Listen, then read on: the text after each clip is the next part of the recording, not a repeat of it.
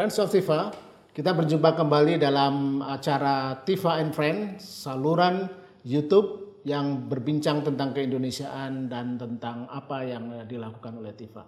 Uh, saya ditemani oleh kawan saya di Tifa, Bapak Rifki Muna, dan kita akan berbincang dengan Pak Felia Salim. Uh, beliau adalah salah satu pendiri Tifa dan juga saat ini masih aktif sebagai Ketua Dewan Pembina Tifa. Uh, tema diskusi kali ini kita akan diskusikan tentang indeks pembangunan manusia di Indonesia dan juga nanti kita oh, singgung mengenai uh, SDGs, Sustainable Development Goals dan bagaimana itu kaitannya dengan upaya membangun masyarakat Indonesia yang lebih sehat, sejahtera dan pintar. Nah, kira-kira pertanyaan pertama nih Mbak Feli. Kira-kira era reformasi yang sudah berjalan um, 25 tahun ya atau hampir 30 tahun ini. Kira-kira dari segi indeks pembangunan manusianya itu mengalami kenaikan signifikan nggak Mbak? Ya kalau kita lihat 25 tahun pasti banyak sekali. Ya karena uh, kalau kita lihat ya indikator-indikator uh, standar yang dilihat kan literasi, ya uh, yang pendidikan. Jadi kalau 20 lima tahun pertama kan yang bisa membaca masih terbatas. Jumlahnya sekarang sudah meningkat.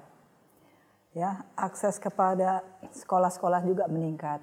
Ya kalau melihat indikator-indikator gitu banyak sekali perbaikan-perbaikan. Dan ya tentunya kalau karena kita sekarang sudah terdesentralisasi kan, maka uh, mungkin uh, pengelolaan sekolah-sekolahnya ya dengan sendirinya lebih mungkin lebih tepat sasaran lah kalau mau dibilang seperti itu uh, dan distribusinya lebih baik. Uh, ya kita bisa bilang kalau secara umum itu lebih baik. Uh, kalau mengenai kesehatan, uh, saya kira itu mungkin saat sekarang ini kalau kita potret hari ini uh, sudah mulai ada tanda-tanda yang yang agak mengkhawatirkan. Menurun. Ya, uh, saya nggak bilang menurun kalau kita ngomongnya 25 tahun pasti dalam 25 tahun lebih baik. Tapi yang kita uh, perlu perhatikan ya kita lihat 5-10 tahun terakhir Eh, lagi-lagi uh, saya ingin garis bawahi mengenai kualitas. Uh, bukan hanya ekstensifikasi dari pelayanan, hmm. ya, menjangkau, tapi juga dari kualitasnya. Nah, ini yang kualitas ini yang masih sangat uh, butuh perhatian yang besar. Uh, karena dari segi uh, kualitas misalnya, kalau kita bicara dari kualitas pendidikan hmm. atau dari kualitas kesehatan, saya kira kita kalau kita hanya melihat diri sendiri ya kelihatannya baik-baik saja. Tapi kalau kita melihat komparasi dengan tetangga-tetangga, kita uh, gapnya semakin jauh. Ya. Semakin jauh kita semakin ya. meningkat atau enggak uh, apa uh, apa dari segi kualitas kita mulai uh, tertinggalnya semakin semakin besar. Kita tertinggal. Ketertinggalannya ya. Atau misalnya kesehatan lah. Ini ini ini uh, kenyataan hmm. ya. Kita lihat dari angka-angka uh, uh, jumlah stunting yang uh, apa meningkat. Busung lapar ini. Busung lapar itu meningkat, tapi juga obesity. Hmm. Ya. Um, sekarang ini masalah stunting atau obesity ini bukannya karena uh, lokasi yang makanan tidak terjangkau, tapi dari kualitasnya, kualitas uh, yang kita produksi. Nah itu ada kaitannya dengan masalah bagaimana kita mengelola pertanian dan perkebunan. Nah ini semuanya ada saling berkesinambungan, saling kait-mengkait masalahnya. Jadi masalah struktural, institusional uh, di bidang pendidikan dan kesehatan ya masih sebagian isu obesitas banyak hmm. isu obesitas kalau di negara maju itu kan juga terjadi karena hmm. semakin pola makan, tapi dia ekonomi kulit juga lebih baik sehingga dia ya. makannya menjadi tidak ya. teratur. Jadi ada ada ya. satu sisi ada ya. perbaikan ekonominya kira-kira begitu. Hmm. Ya itu um, gini loh, kalau kita lihat, jadi istilahnya obesitas ini bukan hanya masalah masalah uh, negara maju negara berkembang, hmm. ini masalah kualitas uh, asupan. Asupan Hmm. Gitu. Ya, uh, uh, yang yang saya pahami ya, misalnya yang saya baca terakhir bahwa ekspektasi apa usia manusia Indonesia mengalami peningkatan. Ya, kalau tidak salah 71 tahun sekarang. rata-rata orang Indonesia itu dibanding beberapa 10 tahun lalu yang tercatat di angka 67. Sementara ya saya pernah baca di Amerika ekspektasi hidup justru turun untuk uh, kaum kulit putih di Amerika. Nah, itu kan salah satu faktor juga untuk menghitung indeks pembangunannya bagus juga. Artinya di Indonesia di sisi satu sisi ada penyakit stunting yang juga mulai menggejala lagi, tapi di sisi lain juga ekspektasi hidup menarik. Itu gimana ya gejalanya? Kenapa terjadi itu? Ya, saya, saya kira kalau uh, kita mau bicara negara maju atau kita mau membandingkan Amerika sama Eropa beda ya. Kalau di Amerika kan juga uh, gapnya antara kaya dan miskin semakin lebar hmm. sekali ya, karena yang kaya yang ada di kota-kota besar, sentra-sentra komersial dan kulturalnya kan di kota-kota besar. Hmm. Sementara yang di di tengahnya kan agak tertinggalan. Di, di situ yang mereka ada masalah struktural juga. Hmm. Kalau di negara-negara Eropa Nordic countries kan tidak, itu dia lebih merata. Nah itu kan karena juga karena sistem uh, sosial demokrasinya beda ya. Eh, Eropa sama Amerika. Nah kita seperti apa? Kita ini negara kepulauan, distribusi uh, sangat menantang. Jadi model yang kita anut kan adalah ini ya uh, terdesentralisasi provinsi-provinsi di, di, di, di, di uh, diberikan kewenangan untuk menja menjalankan kesehatan dan pendidikan agar lebih cepat terjangkau, lebih uh, lebih baik uh, terlayani. Nah, saya kira mungkin di sinilah mungkin juga salah satu apa uh, faktor. faktor ya yang membuat Indonesia agak tertinggal gitu. Faktor jadi kemam, kemampuan institusional, kemampuan institusi negara pada tingkat bawah untuk dia bisa deliver deliverable ya, ya. untuk bisa e, memberikan pelayanan yang lebih baik. Saya kira ya. persoalan ya, juga. Artinya disinggung Mbak Vila itu faktor geografi juga berpengaruh ya karena ada 17 ribu pulau. Ya makanya model terdesentralisasi itu masuk akal. Hmm. Cuman sekarang bagaimana, nah TIFA kan ber, berkecimpung di memfasilitasi local governance hmm. untuk meningkatkan kemampuan local governance di suatu daerah. Bukan hanya pemerintahnya, tapi juga masyarakatnya. Hmm. Kan jadi uh, memfasilitasi peningkatan segenap uh, apa multi stakeholder uh, berkembang bersama. Tapi saya kita bicara mengenai pengembangan institusional. Uh, bukan hanya kelembagaannya saja, tapi juga kita lihat undang-undangnya.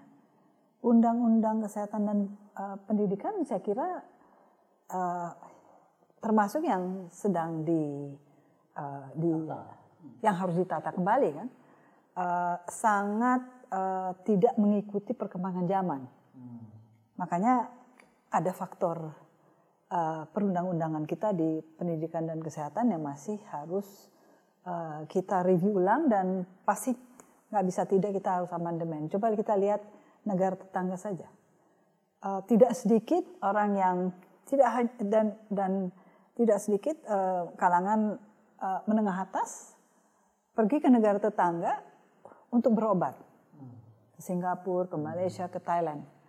Ya, Um, dan itu sekarang mudah terjangkau kan, terjangkau dari Sumatera, dari Kalimantan. Tidak sedikit yang mencari um, apa uh, jasa kesehatan ya ke luar negeri. Kan nggak harus begitu. Nah sehingga uh, ya perundang-undangannya, institusinya itu harus di, segera di, diperbaiki. Uh, kalau dari sektor ekonomi gimana Mbak? Artinya uh, bagaimana dengan indeks per kapita JNI kita? Kesenjangan antara yang kaya dan miskin. Uh, yang uh, saya dengar itu masih problem yang ya, agak... Ya. Saya kira saya, saya mengamati program-program uh, pemerintah untuk menangani masalah kesenjangan sangat serius. Kita harus akui uh, niatnya untuk memperbaiki pendidikan, kesehatan banyak uh, banyak usaha uh, mengalokasikan dana untuk dana desa, apa social safety net itu program-program pemerintah banyak lah. Uh, perbankan nasional digiring untuk memberikan kredit usaha rakyat. Usaha-usaha itu apa program-program itu ada. Apakah itu efektif? Uh, ya, saya kira itu perlu kita kita kita review ulang ya. Uh, kalau enggak kan kita bisa melihat kesenjangan mengecil dan ini belum terjadi saat sekarang. lagi-lagi kemampuan institusional, um, masalah kemampuan kelembagaan untuk mendistribusi tepat sasaran. Nah itu kan sangat apa erat kaitannya dengan mengambil kebijakan-kebijakan yang tepat untuk distribusi yang lebih fair. Nah saya kira uh, masalahnya hanya di, di eksekusi, eksekusi, koordinasi, kolaborasi itu yang masih masih terasa lemah. Tapi di samping itu kita melihat juga um, struktur ekonomi kita, jumlah UKM ratusan ribu, jutaan bahkan ya, cukup banyak. Tapi lagi-lagi uh, dia menopang sektor apa? Nah, kalau kita amati kebanyakan yang uh, eh, UKM itu banyak tumbuh misalnya di provinsi-provinsi yang kaya akan sumber daya alam, um, dia itu masih belum jejak ya. Kebanyakan itu uh, usaha-usaha kecil. Dia itu kalau misalnya harga komoditas rendah, dia lari ke perdagangan dan jasa, gitu loh. Kalau dia uh, komoditasnya harga komoditas tinggi ya dia menjadi penyalur. Ini apa terkait erat sektor informal itu ya? Sebetulnya nggak nggak uh, sekarang uh, sudah yang sektor informal sudah bertahap uh, diberikan insentif untuk mulai mendaftar karena dipermudah kan. Misalnya pajak sekarang uh, untuk yang perusahaan-perusahaan kecil setengah persen misalnya. Jadi insentif-insentif itu sudah mulai banyak di, dieksplorasikan oleh pemerintah. Sejauh mana ini efektif ya masih harus dilihat. Berkaitan dengan insentif ya, saya kira ini kan kaitannya dengan bagaimana negara memberikan dukungan untuk pembangunan hmm. nasional lah. Gitu. Sekarang insentif pada tingkat desa sebenarnya kan juga besar sekali Pak ya. perkembangannya hmm. per desa dapat sekian angkanya banyak lah di atas hmm. satu hmm. miliar misalkan rata-rata. Hmm. Tapi ternyata impactnya juga belum ya. kelihatan. Jadi ada persoalan yang tadi Mbak Elia sampaikan institusional, ya, institusional ya. ya. Ya memang Mas Rifki sekarang kan ada dana desa.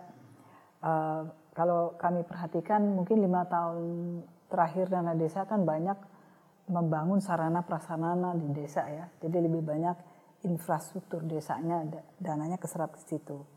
Nah, yang mudah-mudahan uh, uh, dana desa yang berikutnya adalah untuk uh, menciptakan lapangan kerja benar-benar tapi yang setempat. Jadi uh, dunia usaha di tingkat desa supaya ini agar ini bisa benar-benar menggeliat karena udah infrastruktur notabene sudah terpasang sehingga geliat ekonomi uh, harus tumbuh dari dari desa. Uh, mudah-mudahan ini ter, terjadi asal jangan dananya dana desa tapi kemudian kontraktornya dari tempat lain ya. Itu tidak bisa dihindari makanya harus ada uh, pengembangan kapasitas dan kapabilitas segenap perangkat desa dan bukan hanya perangkat desanya aja tapi juga masyarakat setempatnya dikasih kesempatan untuk uh, ya dikasih apakah dikasih literasi keuangan ya bagaimana mengelola usaha bagaimana melakukan pembukuan dan, dan sebagainya. Jadi benar-benar sagar dapat berpartisipasi langsung di, di kegiatan hmm. usaha gitu loh ya. Mbak terkait hmm. dengan upaya untuk mempersempit uh, jurang kaya miskin ini, kesenjangan ini. Uh, tadi yang sudah disinggung kan mengenai peran pemerintah ya. Bagaimana dengan sektor swasta? Dalam hal ini kan kita tahu bahwa ekonomi di Indonesia diasumsikan ada asumsi ini dikuasai oleh tidak banyak keluarga lah, 7, 8 atau 9 keluarga. Mereka begitu hegemonik secara ekonomi yang menguasai banyak sektor. Nah, mungkin nggak uh, sektor swasta itu ditata dengan lebih baik sehingga peran mereka lebih optimal. Uh, misalnya ada CSR, nah, gimana itu uh, situasinya? Ya. Kalau mungkin ada beberapa pertanyaan dalam pertanyaan tadi ya. itu ya. Jadi kalau struktur yang terbentuk terjadinya konglomerasi-konglomerasi itu kan karena dengan uh, apa dunia usaha selalu mencari efisiensi ya. Hmm. Sehingga terciptalah yang besar karena uh, apa sudah uh, punya uh, struktur yang mapan sehingga dia bisa ini ya uh, scale-nya sudah punya uh, maka biasanya yang besar tuh mengambil membeli beli perusahaan-perusahaan yang kecil. Nah, ini kan masalah kebijakan pemerintah bagaimana menjaga fairness-nya ya. Uh, uh, jadi uh, dan yang yang penting adalah bahwa kegiatan ekonomi karena konglomerasi itu tidak mandek dan juga dari segi harga ya. Uh, harga kebias apa ilmu ekonomi menyatakan kalau terjadi konglomerasi dan oligopoli dan itu monopoli. Monopoli. Menuju ke situ itu kan harga menjadi mahal ya. Karena uh, tidak tercipta harga yang fair bagi pasar. Itulah ya teorinya. Nah ini bagaimana menciptakan fairness supaya uh, benar-benar harus tersebar supaya harga terjangkau. Artinya harus menciptakan uh, pegiat-pegiat yang lain. Nah ini kan masalah kebijakan. Termasuk membuat aturan hukum ya, yang jelas ya, mengenai ya. Jadi kalau saya lihat ada korelasi konflik apa antara kemampuan pimpinan setempat dengan uh, sistem governance yang baik men, me, me, meredusir uh, apa potensi konflik kepentingan sehingga tercipta uh, sebuah uh, alam yang yang yang fair bagi semua. Itu kan begitu uh, ilmunya menciptakan Tapi, ekosistem yang ekosistem bagus yang, untuk pertumbuhan ya. upaya-upaya kaum ya. grassroots gitu ya. ya. Karena se, uh, semua segmen itu ada fungsinya, ada fungsinya. Mungkin juga yang penting karena tadi Pak Lukas juga menyebut tentang aktor yang terbatas secara ekonomi dan penguasaan yang sangat luas. Mungkin perlu apakah perlu misalkan pembatasan uh, jumlah orang yang sudah terlalu hegemonik secara ekonomi karena aktor-aktor ini mungkin perlu dibatasi nih. Nah, ya. itu itu satu, itu pertanyaan yang juga dalam, penting dalam, untuk kita bahas. Dalam sistem demokrasi itu bisa enggak apakah itu fair? Hmm. Dan yang kedua, apakah ada upaya yang serius dari pemerintah untuk itu? Ya makanya saya bilang pendidikan itu penting. Hmm. Uh, pengembangan kapasitas dan kapabilitas yang tadi saya sebut misalnya literasi keuangan, skill-skill yang harus ditingkatkan dan saya lihat kan ada usaha itu ya dengan menteri yang muda ini untuk mendorong Maksudnya uh, menteri pendidikan ini. menteri pendidikan kita ini yang yang mau mendorong uh, melakukan inovasi dan bagaimana meningkatkan kapabilitas dan menyiapkan untuk uh, apa uh, masa depan SDM. Indonesia SDM masa depan kan karena kita kan sekarang meninggal uh, uh, apa mengejar ketertinggalan. Ya. Kita sudah menyinggung uh, sektor pemerintahan dan sektor swasta, corporate. Nah, bagaimana dengan sektor civil society? Ya. Sektor masyarakat madani di mana itu core kegiatan kita di Yayasan Tifa. Kira-kira apa yang bisa dimainkan, diperankan oleh Tifa dalam konteks untuk mencoba mencari solusi-solusi yang baik? Kalau saya lihat itu uh, apakah dunia korporasi, du, apa, uh, dunia LSM, pemerintahan itu ada ada semacam uh, ada linkage dan ada kesamaan di mana semua uh, sektor ini, uh, semua stakeholder ini ada uh, tantangan uh, untuk memperoleh talent yang terbaik.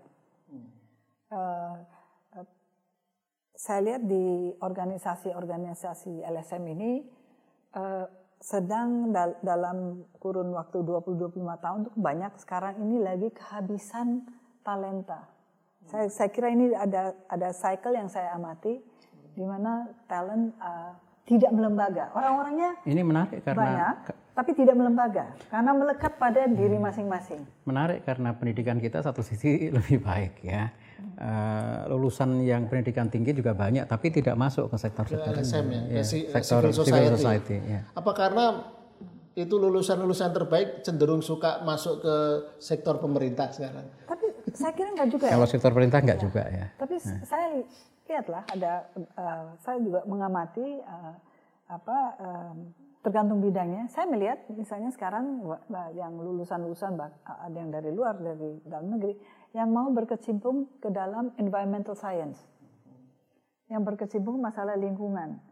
Um, karena ini memang ranah yang sangat penting di masa depan. Ini kaitannya sama sustainability. Sustainability ini karena eh, sangat-sangat uh, serius dan kalau saya lihat uh, tingkat kesadaran yang kalangan muda, milenial mungkin sudah terbiasa dengan uh, masalah aktivisme masalah lingkungan, climate change itu kan sangat mengemuka sehingga banyak juga yang mengambil uh, apa, pelajaran uh, perguruan tinggi di arena itu. Dan saya lihat tuh uh, mulai mulai banyak ada. Cuma yang tadi kalau mau kembali kepada uh, kenapa LSM sekarang ini ya dulu mungkin ratusan ribu tumbuh, tapi mungkin banyak yang juga tutup. Ya karena itu karena kurang dana, kurang masalah kapabilitas. Makanya yang yang mungkin satu yang uh, Tifa perlu amati adalah masalah uh, meningkatkan kapabilitas inilah ya. Jadi Tifa perlu kembali mengenjot program capacity building. Bukan capacity building tapi juga kita juga lihat dari di partai-partai kan membutuhkan kualitas kader-kadernya. Hmm. Itu juga ada tantangan juga kan. Jadi ini tantangan di masyarakat sipil, di partai-partai politik, di pemerintahan, di korporasi juga uh, uh, apa? Ya itu. Problemnya sama juga. Problemnya sama. Ya. ya. Karena gini, dan tapi terutama di LSM yang saya amati itu uh, orang yang menjadi pintar itu yang sering ikut seminar, konferensi ke luar negeri, itu melekat pada dirinya tapi tidak melembaganya. Jadi ini lagi-lagi masalah institusional kita harus sedikit diperbaiki lah saya kira uh, agar bisa lebih berbobot. Baiklah, uh, tentu soal indeks pembangunan manusia itu soal kompleks ya. Butuh puluhan tahun untuk bisa menilai keberhasilan atau ketidakberhasilan. Jadi uh, sangat menarik sekali. Terima kasih Mbak Feli dan Pak Rifki juga. Dan kita harus akhiri perbincangan ini. Kita akan ketemu lagi di waktu lain di channel Tifa and Friends. Salam.